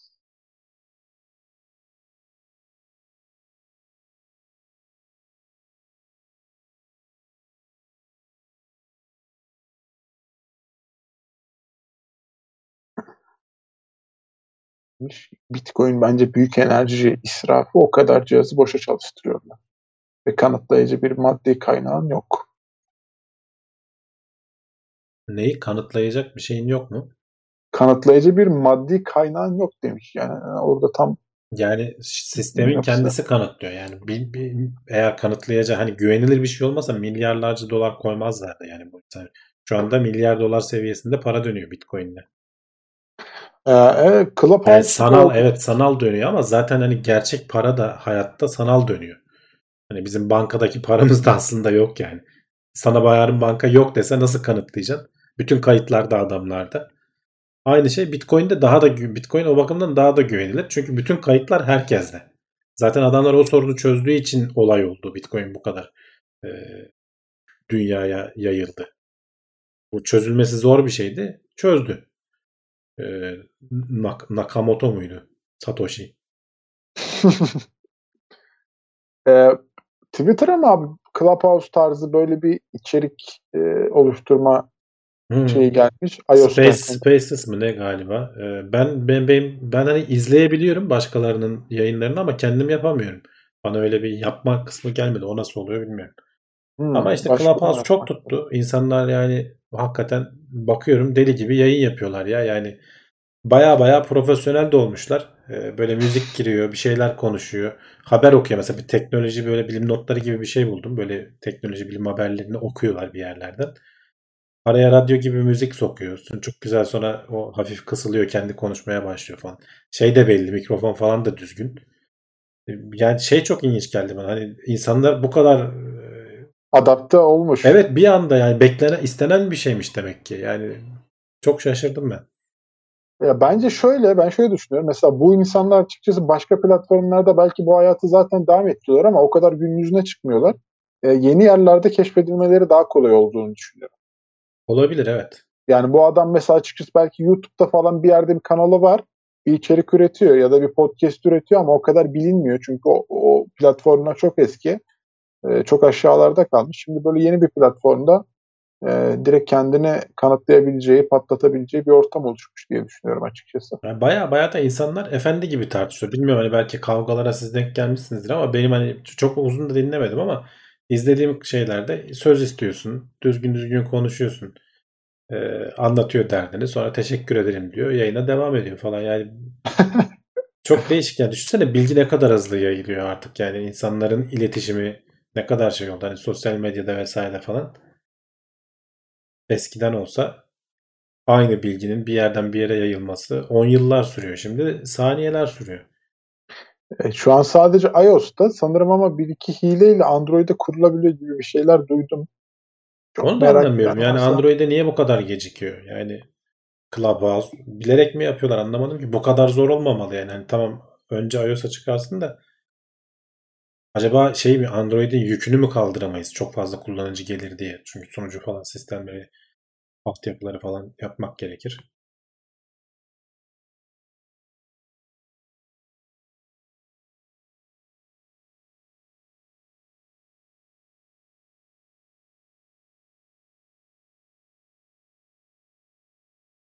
Bir de telef- telefonda olması bu sistemin hani direkt Ya işte kolaylık ya telefonda direkt Kolaylık. açıyorsun şey yapıyorsun. Kullanımı da kolay. yani Ben ama bana mesela çok hitap etmedi. Çünkü ben çünkü anlık dinlemen gerekiyor ve kaçırdın mı gidiyor. gitti bitti. Ben ben öyle değil ki. Ben YouTube'u açıyorum 10 tane sekmeyi. Bir haftada onları yavaş yavaş yavaş yavaş izliyorum. Kötü. Bazen izlerken iki, bir buçuk katına çıkarıyorum hızı falan. Yani e, o yüzden mesela Clubhouse bana o kadar şey gelmedi. Çekici gelmedi. Yavaş geliyor anlatabildim mi? Şey konuyu takip etmek uzun sürüyor. O kadar başka işlerle uğraşıyorum. O kadar zamanım olmuyor. Denemedim. Valla bilmiyorum çok içeri içinde açıkçası çok öyle merak da etmiyorum açıkçası. Hani nedir ne değildir diye. Eğlenenlere iyi eğlenceler diyelim. Bir şeyler de öğreniyorlarsa ne hala.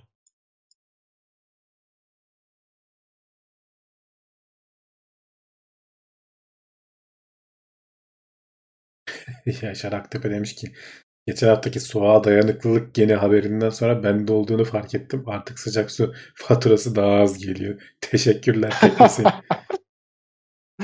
İşte çok hiç iyiymiş. düşünmediğimiz faydaları çıkıyor yayınların. Yani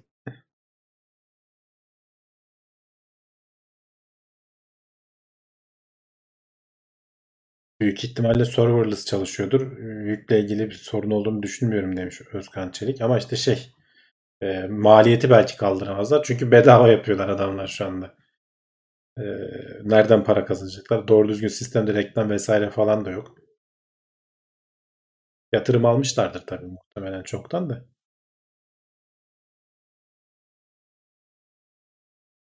Aa, bu arada şeyi atlamayalım. İsmail Yüzüak destek grubuna gelmiş. Teşekkür ederiz ona da. Teşekkür ediyoruz evet destekleyenlere. Siz de destek olmak isterseniz aşağıdan katıl butonuyla destek olabilirsiniz. Hatırlatalım. Abdullah Ataş aslında soğuk yok demiş. Sıcak sıcak eksikliği. Çok iyi. Neydi öyle bir şey vardı ya aslında gece yok ne gündüz yok ki. Gece güneşin olmaması böyle bir biri bir şeyler söylüyordu. Evet, evet. Bir haber izlediğimi hatırlıyorum.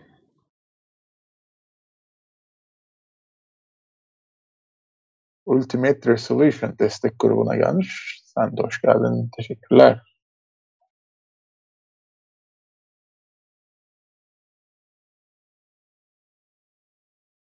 Zello'yu kullanan yok mu hiç? Clubhouse'dan çok önceleri vardı. Sen hatırlıyor musun abi öyle bir şey? Yok duymadım bile. Ben ya de işte duymadım. bu, bu- bu işler arkadaşlar biraz da şans yani. Ee, Zamanlama, Ya şans. öyle bir ana denk geliyorsun. Bir kişinin seni bir retweet etmesi. İşte atıyorum bir ünlünün e, Gülben Ergen işte az önce ismi geçti. O seni bir kullanıyor. Allah ondan sonra alıyor gidiyor. Bütün ünlüler böyle bir kar topu etkisi. Çığ gibi düşüyor yani. Ee, şans yani kimisinde. Bunu bilinçli yapanlar da var. Doğru düzgün çok e, stratejisini iyi kuranlar da var. Kimisi de şanslı oluyor. Bazen daha iyisini yapmıştır belki o Zello dediğin ama e, duyulmamıştır, olay olmamıştır. Bu koronaya denk gelir. işte insanların sıkıldığı ana denk gelir. Bir tane de ünlünün açacağı tutar falan. Bir anda e, Allah yürü ya kulum dedi ki derler ya öyle olursun yani hiç. Biraz kısmetinde olacak. Reklam da işte yani davetiye falan gibi bir şeyler oldu. Herkes E, merak tabii etti o gel gitine. çok şey çekti, dikkat çekiyor. Zor. E, ulan burada bir şey var. Kaçırıyorum hissi insanlarda. Evet. Mars araştırma için indirilen son iki uzay aracı Curiosity ve Perseverance'da çalışan Türk bilim insanı Profesör Doktor Behçet Açıkmeşe Elon Musk'ı reddettiğini açıklamış. Türkiye'yi düşünüyormuş. Türkiye'de çalışmayı mı düşünüyor uzay ajansında falan?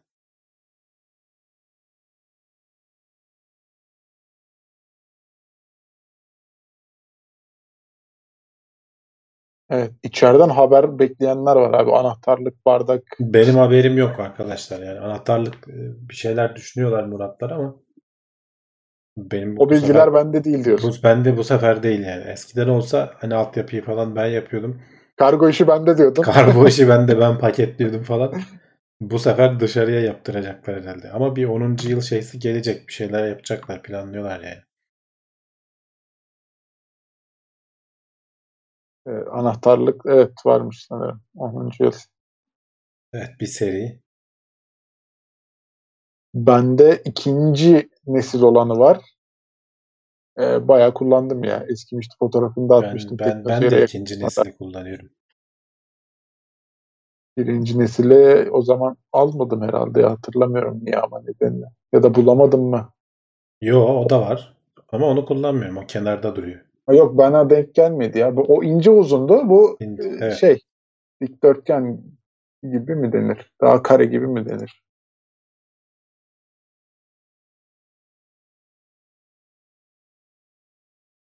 Yavaştan kapatalım mı?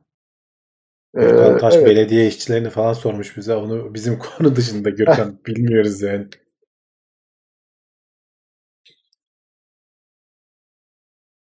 Bu haftalık e, bu kadar diyelim abi bence de. Evet. Hafta zaten buradayız. Her Hı. pazartesi olduğu gibi 22.00'da canlı yayınla e, Teknoseyir YouTube kanalındayız. Teknoseyir'in diğer içerikleri de devam ediyor. Her çarşamba e, Murat abiyle Levent abinin muhabbet yayınları var. E, her cuma gene onların e, teknoloji gündemi var. Oralara da gelip canlı yayına katılabilirsiniz ve e, gene hafta içindeki videolar devam ediyor. Şeyi de hatırlatalım. Twitch'teki yayınlarımız da neredeyse her gün hem gündüz hem akşam yayın var. Gündüzleri Umut daha çok. Şimdi Assassin's Creed falan oynuyor. E, Bugün şimdi yayın var mı? Uğur bu sefer bir şey yapacak Uğur- mı bugün? Uğur'dan haber yok abi bugün ama varsa Yeter- teknoseyir.com'da Yeter çektiğimiz çile demiş. Evet. Ya da şey yapabilirsiniz. E, Teknoseyir'in Twitch adresine e, oradan hani abone abone olu ayrı onun. Hani ücret verip abone olma bölümü ayrı ama sadece takipte edip e, bildirim alabilirsiniz canlı yayına geçtiği zaman. Onu da hatırlatmış olalım tekrardan. Senin ekleyeceğin bir şey var mı abi? Başka bir şey yok. Önümüzdeki hafta gene buradayız. Kendinize iyi bakın. Hoşçakalın. Görüşmek üzere.